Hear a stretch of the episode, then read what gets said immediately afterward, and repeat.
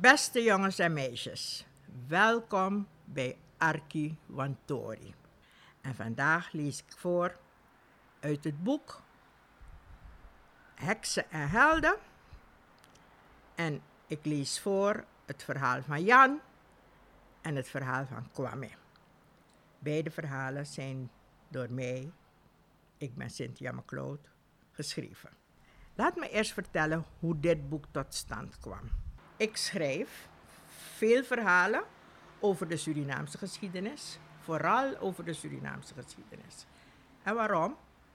Omdat ik vond en nog steeds vind dat Surinamers veel te weinig wisten over hun geschiedenis. Daarom ben ik gaan schrijven en daarom ben ik vooral gaan schrijven over de geschiedenis. Ik bedenk die verhalen niet. Ja, ik maak die verhalen wel, maar ik onderzoek eerst heel nauwkeurig en ik, wat ik vertel is werkelijk gebeurd. Ik heb boeken geschreven over de slavernij. En die boeken zijn bekend geworden in Holland. En zo is op gang gekomen toen, dat is nu al meer dan ongeveer 30 jaar geleden, in Holland belangstelling en eigenlijk ook kennis over het feit dat Nederland heel belangrijk slavernijverleden had. Nou, toen dat bekend is geworden, vroegen mensen me wat ik ervan vond. Ik was blij natuurlijk. Maar ik zei, het slavernijverleden moet een onderdeel zijn van de geschiedenislessen op Nederlandse scholen. Want zo leer je, zo weet je over slavernij. Je moet het op school al geleerd hebben bij geschiedenis. Dan pas ga je het weten. En uh, nou, dat, die mensen waren het met me eens natuurlijk. Maar toen begonnen de mensen mijzelf te vragen om historische verhalen te schrijven voor schoolboeken. En zo heb ik dus dit verhaal geschreven. Eigenlijk voor een, lees, een geschiedenisleesboek voor de vijfde en de zesde klasse van de basisschool. En daarin staat het verhaal van Jan en het verhaal van Kwame.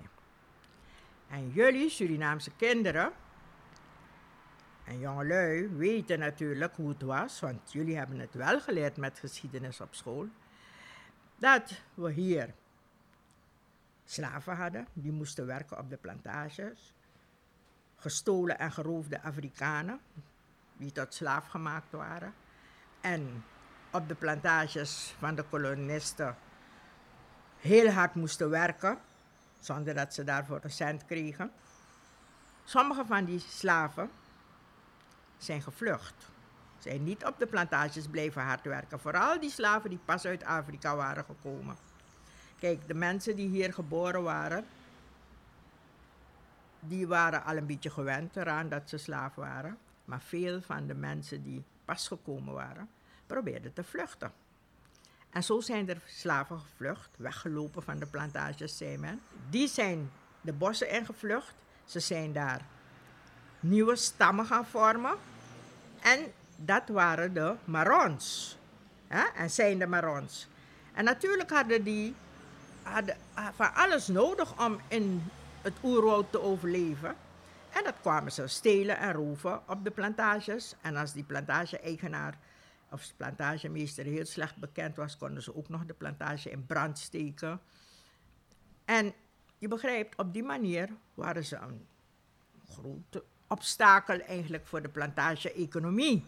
De kolonisten vonden het helemaal niet prettig dat hun, hun slaven wegliepen en dan ook nog uh, hun plantages kwamen aanvallen.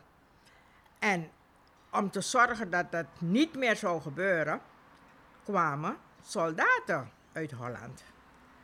Dat, die soldaten die gestuurd werden, die werden aangenomen in Holland en die werden naar Suriname gestuurd om te vechten tegen die weggelopen slaven. Nou, die soldaten waren gewoon jongens en jonge mannen. Eigenlijk wisten ze helemaal niet wat ze kwamen doen in Suriname hoor. Ze hadden alleen gehoord, ze moesten negers gaan vangen. En ze dachten dat is een koud kunstje. Je gaat even in het bos en men had ze ook verteld, in het bos ligt het goud voor het oprapen.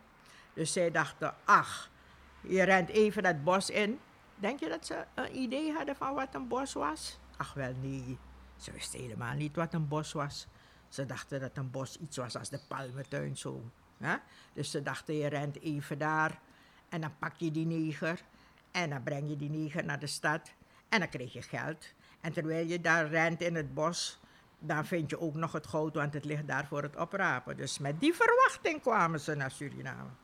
Nou, absoluut zo was het niet. Er zijn heel wat gewoon dood gegaan in het bos. Aan allerlei ziektes. Ze konden nauwelijks iets uitrichten tegen die Marons. Die Marons waren ze altijd te slim af. Altijd. Ja? Een enkele keer werden er een paar gevangen, doodgeschoten. Maar om te zeggen dat ze succesvol waren, die soldaten, echt niet, helemaal niet. De Marons, die wisten dat de soldaten jacht op ze maakten. Die, die, die konden dat elke dag ervaren. Maar die Marons hadden allerlei manieren om ervoor te zorgen dat ze niet gepakt werden. Integendeel, zij waren altijd, bijna altijd aan de winnende kant. Nou, en het verhaal wat ik vandaag ga voorlezen, dat gaat over een jongen, Jan, die als soldaat naar Suriname is gekomen met die verwachting. En over een Maronjongen, Kwame, ze zijn ongeveer even oud, die voor het eerst mee mag op een tocht wanneer ze gaan proberen, wanneer de Marons de uh, soldaten gaan proberen te pakken. Ja, daar gaat het verhaal over. Dus eerst zie je het hoe Jan denkt en wat Jan erover vertelt. En daarna zien we hoe Kwame denkt en wat Kwame erover vertelt.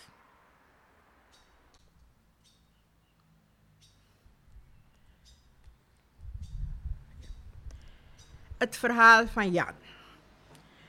Mijn naam is Jan. Ik ben 16 jaar oud en ik word nu soldaat.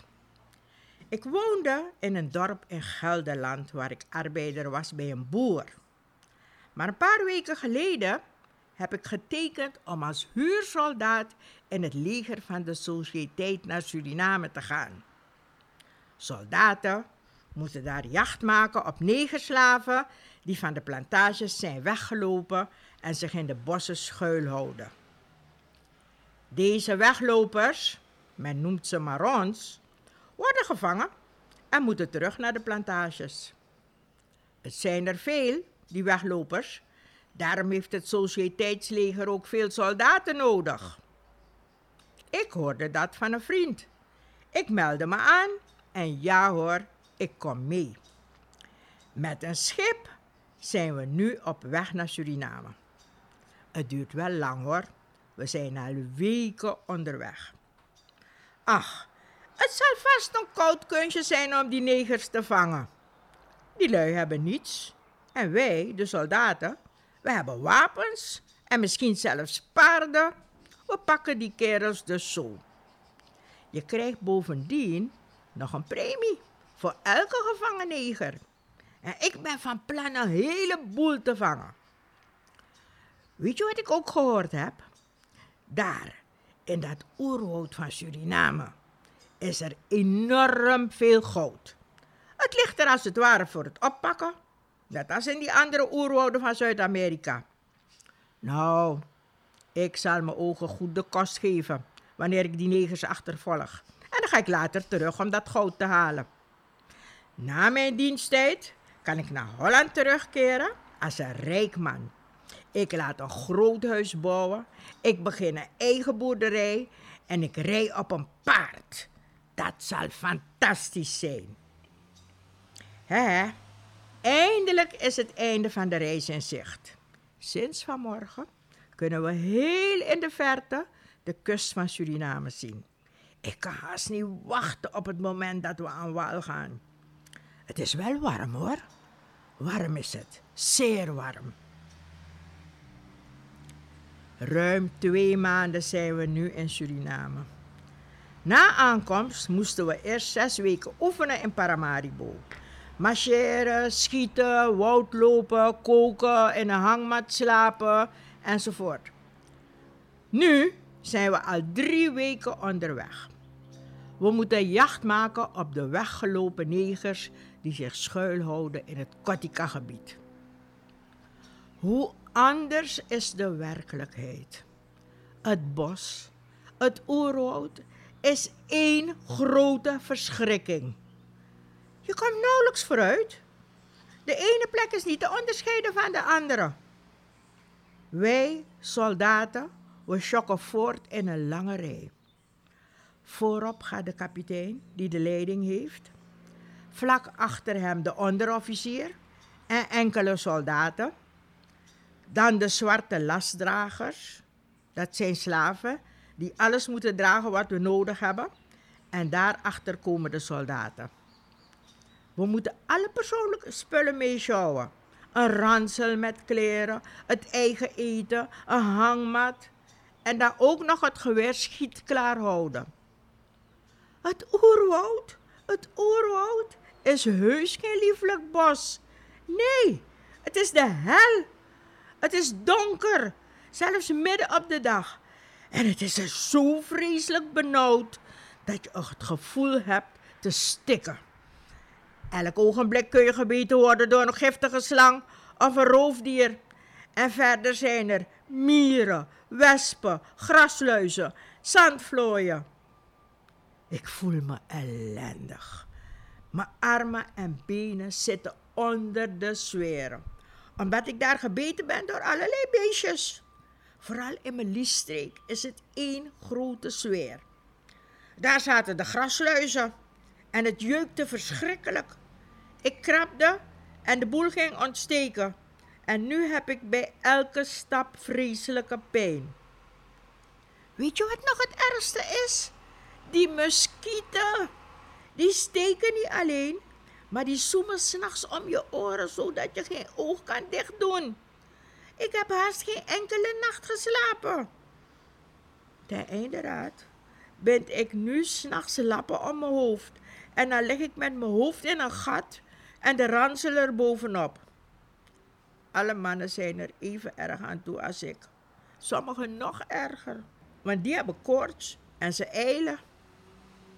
Alleen de lastdragers niet. Die hebben geen last van muskieten en andere ongedierte. En die zwarte lopen op hun blote voeten makkelijker dan de soldaten met hun gezwollen voeten en die harde laarzen. Iedere keer horen we dat we in de buurt van de Marons zijn. Maar tot nog toe hebben we geen enkele gevangen. Wel hebben we twee keer een Marondorp gezien, maar er waren geen bewoners. Volgens de kapitein hielden ze zich vast ergens schuil. Wij moesten naar hun kostgrondjes zoeken. We moesten alle kassaven uitgraven en verbranden. Natuurlijk hebben we die niet verbrand, maar zelf opgegeten. Net als de kippen die we daar aantroffen. Heel wat beter dan die soldatenkost die bestaat uit taaie beschuit en grauwe erten. Toch moeten ze hier in de buurt zijn. De kapitein dat hier ergens het fort moet zijn van Bonnie, hun leider. Van hieruit terroriseren ze alle plantages in de omgeving. Ze roven van alles en ze steken soms de gebouwen in brand. Maar waar zijn ze? We zien ze nergens. Goud? Nee, ik heb geen goud gezien. Ik denk trouwens helemaal niet aan goud. Het kan me gestolen worden. Als ik maar levend uit deze hel kom en weer terug naar Holland kan. Ik heb zo'n pijn. En ik ben zo moe. Zo moe. De kapitein en de voorste mannen houden halt. Wat is er aan de hand? Biri biri, hoor ik fluisteren. O hemel, alweer. Eerst wisten wij nieuwelingen niet wat een biribiri was. Maar nu weten we het maar al te goed. Dat is een soort moeras. Als je het ziet, denk je dat het een grote grasvlakte is.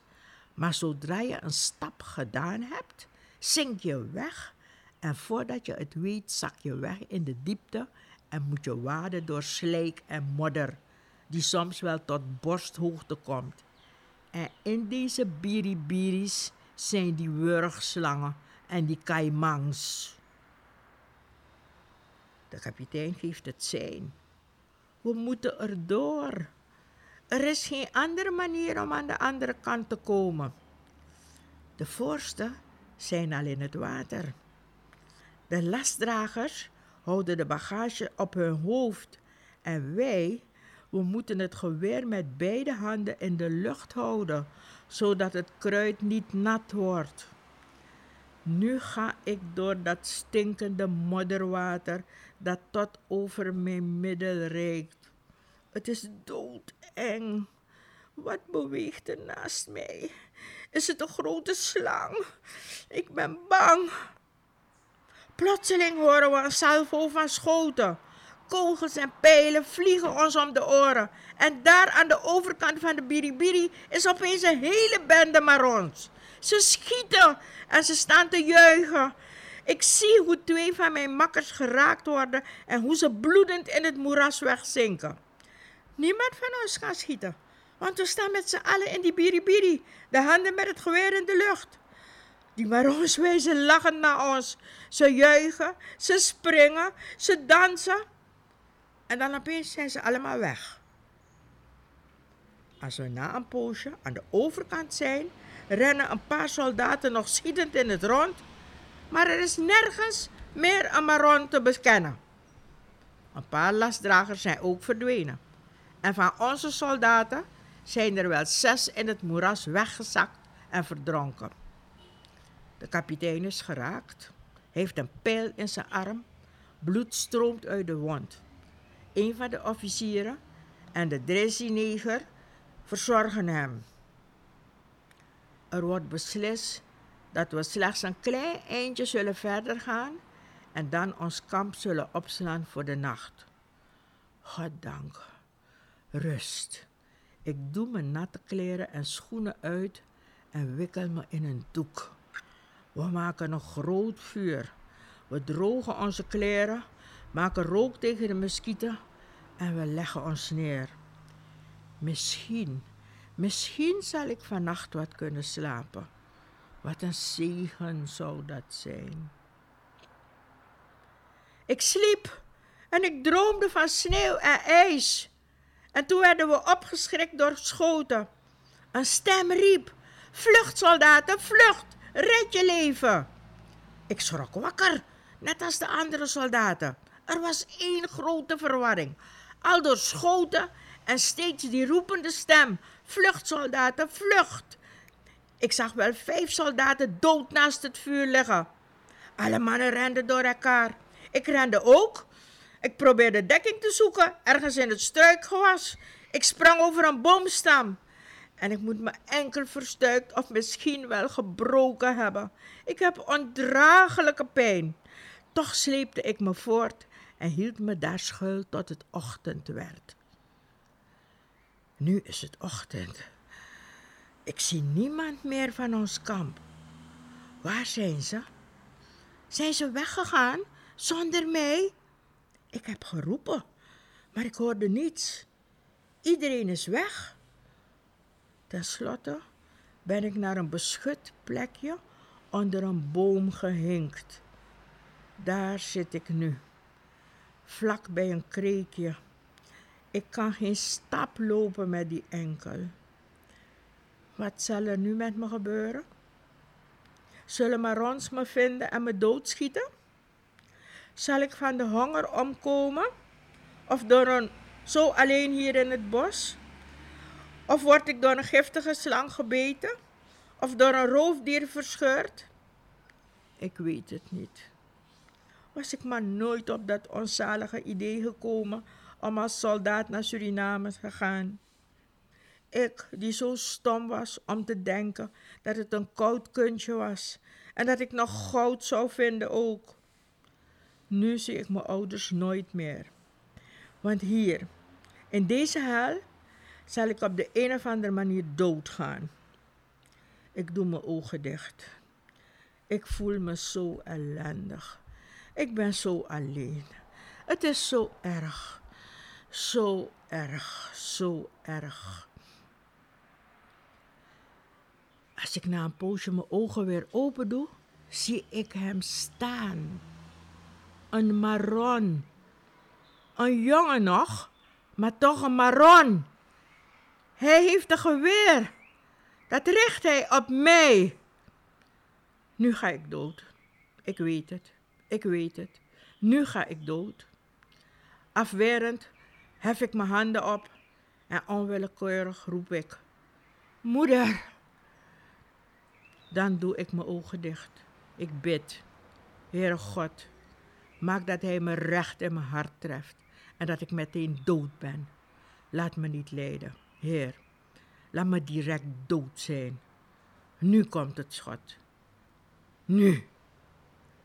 Nu. Waar blijft het? Waar blijft het schot? Waar blijft het schot? Voorzichtig doe ik mijn ogen open. Ik zie hem niet meer, die Maron. Hij is weg. En ik, ik leef. Dit is het verhaal van Jan. Nu komt het verhaal van Kwame. Ik ben Kwame. Ik ben een Maron. De soldaten noemen ons weglopers. En de mensen uit de stad noemen ons bosnegers. Het geeft niet hoe ze ons noemen. Wij weten wie we zijn en wat we zijn. We zijn de vrije negers in het Kotika-gebied. We zijn geen slaven. Oh nee. Wij hebben met bloed gezworen dat we nooit slaven zullen zijn. Vrijheid is voor ons het allerbelangrijkste. En we zijn tot alles bereid om onze vrijheid te behouden. Onze leider is Bonnie. Hij is nooit een slaaf geweest, want hij is in het bos geboren. Ik ben geboren op plantage zuinigheid. Daar was de meester zuinig met alles, behalve met de zweep. Ik kan me niet meer veel van herinneren, want ik was nog maar een kleine jongen toen de plantage een keer werd overvallen door Marons en mijn moeder met mij en nog enkele andere slaven wegvluchtte en met de Marons meeging. Vanaf toen wonen wij in het bos. Ons dorp bestaat uit wel honderd mensen. Er zijn mannen, veel mannen, maar ook enkele vrouwen bij, die niet lang op een plantage zijn geweest.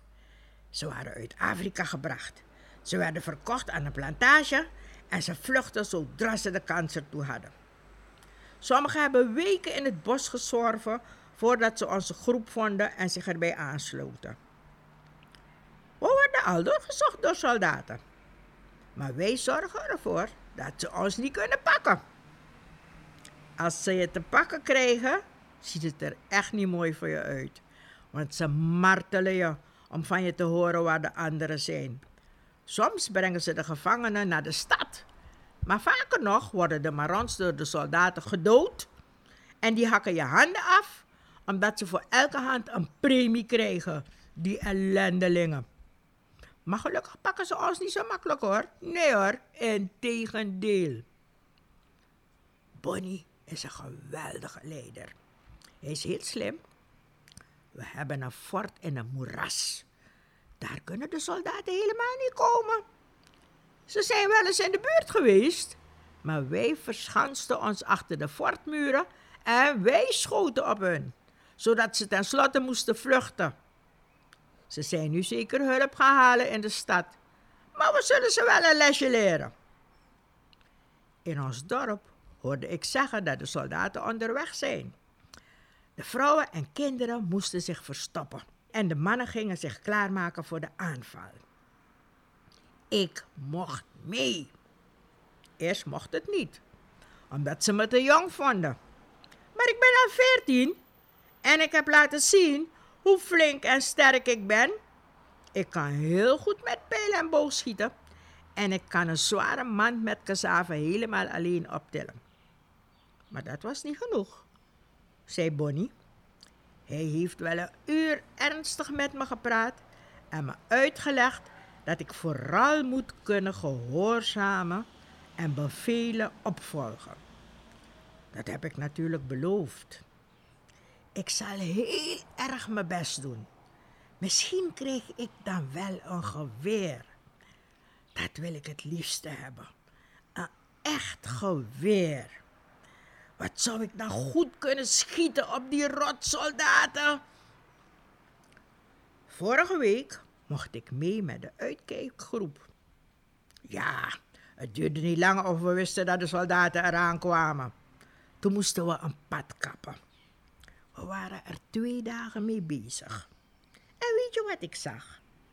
Na twee dagen waren we precies op hetzelfde punt als waar we waren begonnen. Dat vond ik toch wel raar. En ik vroeg aan een van de oudere mannen waarom dat was. Die legde me uit dat de soldaten niet zelf de weg in het bos kunnen vinden. En meestal volgen ze een pad van ons. Nou, ze hebben een week lang heerlijk in een grote cirkel gelopen en ze merkten het niet eens. Wij hadden de tijd om alles in veiligheid te brengen. Ons voedsel, onze gereedschappen, onze materialen, alles brachten we weg. We lieten wel een paar kippen in het dorp achter om geen argwaan te wekken. Eindelijk hadden de soldaten door dat ze niet erg opschoten en gingen toen een andere weg volgen. En nu komen ze. We zijn bij een biribiri en houden ons schuil achter boomstammen en in het struikgewas. We kunnen zien hoe de soldaten aan de overkant van de biribiri voorzichtig in het water gaan. We letten op Bonnie. Als die het zijn geeft, moeten we schieten. Ik, ik schiet ook. Niet met een geweer, maar met pijlen en boog. We zijn allemaal heel stil en luisteren aandachtig. Bonnie kan vanaf zijn schuilplaats de soldaten zien. Zodra hij een schot lost, moeten we tevoorschijn komen en schieten. Ik ben zo zenuwachtig. Mijn handen zweten ervan. Als ik nu maar goed schiet. Ik wacht. Bang! Dat is het schot. We springen allemaal tevoorschijn en we schieten. Schoten klinken en soldaten schreeuwen en roepen. Ze kunnen niets doen. Ze staan in het water en als ze willen schieten wordt hun geweer nat. Ze schreeuwen. Wij schreeuwen ook, maar wij schreeuwen van blijdschap. Ik lach en ik juich, ik dans van plezier wanneer ik zie hoe soldaten geraakt worden en in het moeras wegzakken en verdrinken. Net goed voor jullie gemene kerels. Ik wil nog verder kijken, maar iemand roept: Kwam ik, kom! Ik zie nog net dat mijn pijl iemand geraakt heeft. Hij zit in de arm van een soldaat. Jee! Nu zijn we in het kamp waar we zullen overnachten. We hebben nu meer mannen, want zes van die lastdragers van de soldaten zijn plotseling bij ons. Ze praten en lachen met de andere mannen en ze laten ons zien wat ze allemaal in die kisten hebben die ze op hun hoofd droegen. Kogels, kruid, medicijnen, dram. We zijn blij, want er waren haast geen kogels meer. Iedereen krijgt ook een slokje dram. Ik vind het niet echt lekker, maar ik drink het toch. Dat is voor moed, voor vannacht, zegt Bonnie. Er zal iets gebeuren vannacht. Ik weet niet wat. En ik durf het ook niet goed te vragen, maar ik voel dat er iets gaat gebeuren. We waren nog niet lang in ons kampje toen die oude Kwaku, onze gids, weer wegging met nog twee mannen. Na een poosje kwamen ze terug en ze sleepten vijf leken van soldaten achter zich aan. Die hadden ze uit het moeras gehaald. Kwaku en die mannen waren aldoor bezig met die leken. Akelig hoor. Ik vroeg aan een van de anderen wat ze toch deden met die dode soldaten. Maar die lachte geheimzinnig en zei: Let maar op, vannacht. Het is nacht nu. Eerst gingen we naar een bepaalde plek in het bos. Daar heeft Bonnie uitgelegd wat er gaat gebeuren. We gaan heel stil het kamp van de soldaten omsingelen. Midden in de nacht zal Kwaku het geluid nadoen van een uil. Dan moeten we naar binnen rennen, zoveel mogelijk geweren pakken en meteen weer weg. We liggen op de uitkijk, vlak bij het kamp. Ze hebben een groot vuur gemaakt en twee soldaten houden de wacht. Maar die zitten te knikkenbollen bij het vuur. Vlak naast mij zit een van die mannen met de soldatenleek. We zijn doodstil en wachten. Daar klinkt het geroep van de uil. Oeh, oeh. Meteen daarna is er geschiet. Een stem roept iets in het Hollands. Soldaten springen op en rennen verward door elkaar. Hé, hey, daar liggen al dode soldaten. Nee, nu begreep ik het. Dat zijn die lijken van Kwakko. Nu begreep ik waarvoor die lijken dienden. Ik ren het kamp binnen en ik pak geweren. Dan ben ik weer weg. Zo snel mogelijk naar onze verzamelplek. Alle anderen komen aangeslopen. We tellen de geweren. We hebben er twaalf en twee daarvan heb ik gepakt. Zo snel mogelijk gaan we terug naar ons kamp. Kwaku voorop. Die kent de weg in het bos. Doodstil. Alles is pikdonker. We gaan terug. Een uur later zijn we in ons kampje. Twee houden de wacht en de anderen gaan slapen. Ik kan niet slapen. Ik ben veel te opgewonden. Het is gelukt. Onze list is gelukt. En ik, ik heb een geweer. Bonnie heeft gezegd dat ik heel flink ben geweest en dat ik een geweer mag hebben. Ik ben zo blij met het geweer. Ik wrijf erover met de halsdoek die ik van een lastdrager heb gekregen. Ik zal heel zuinig zijn op mijn geweer en ik zal het altijd bij me hebben. Ik zou zo graag iets willen schieten. Maar je mag niet zomaar schieten. Dat is een bevel. Een schot kan onze schuilplaats verraden en zo verspil je ook kogels. Ik ga naar buiten. Ik kan toch niet slapen. Weet je wat? Ik ga op zoek naar iets dat ik kan schieten. Een haas? Of een konijn? Of misschien een vogel? Ja, het wordt al ochtend. We kunnen hem roosteren. Een haas of een konijn. We kunnen hem roosteren en opeten. En ik bewijs iedereen hoe flink ik ben. Ik loop weg van het kamp. Het wordt nu lichter. Ik kijk of ik iets zie. Hoor ik daar iets? Ja, ik hoor water. Ik sta stil en ik luister aandachtig. Er is een kreekje vlakbij. En ik geloof dat ik iets hoor in dat water. Daar is vast een beest dat zwemt of drinkt. Ik sluip erheen en ik hou mijn geweer schietklaar. Ik verstop me achter een boom en ik kijk. Ja, daar zie ik iets. Wat is het? Het is een soldaat, een bakra. Hij zit alleen met zijn voeten in het water en ik zie geen geweer. Haha, nu heb ik je, gemene bakra vuile kerel die maar ons wil vermoorden. Ik sluip dichterbij en ik neem hem onder schot. Nu heb ik je. Ik zal je schieten, recht in je hoofd, of hij een van die blauwe vissenogen. Een tak kraakt. Hij hoort het. Hij kijkt op. Hij ziet me. Hij schrikt. Hij is bang. Ik zie de angst in zijn wijd opengesperde blauwe ogen. Afwerend heft hij zijn hand omhoog hij roept: Moeder! Maar nu zal ik hem schieten. Nu schiet ik. Ja, ik schiet. Ik schiet. Waarom beeft mijn hand? Waarom schiet ik niet? Ik wil toch schieten? Ik moet schieten. Waarom aarzel ik? Waarom schiet ik niet? Is het omdat ik zie dat het een jongen is? Net als ik? Is het op, omdat ik opeens moet denken hoe het voor mijn moeder zou zijn als ik werd doodgeschoten? Waarom schiet ik niet? Ben ik te bang om te schieten? Ben ik nu een lafaard? Ik weet niet waarom. Maar ik laat het geweer zakken. En ik loop weg. Snel weg. Ik ga terug naar de anderen.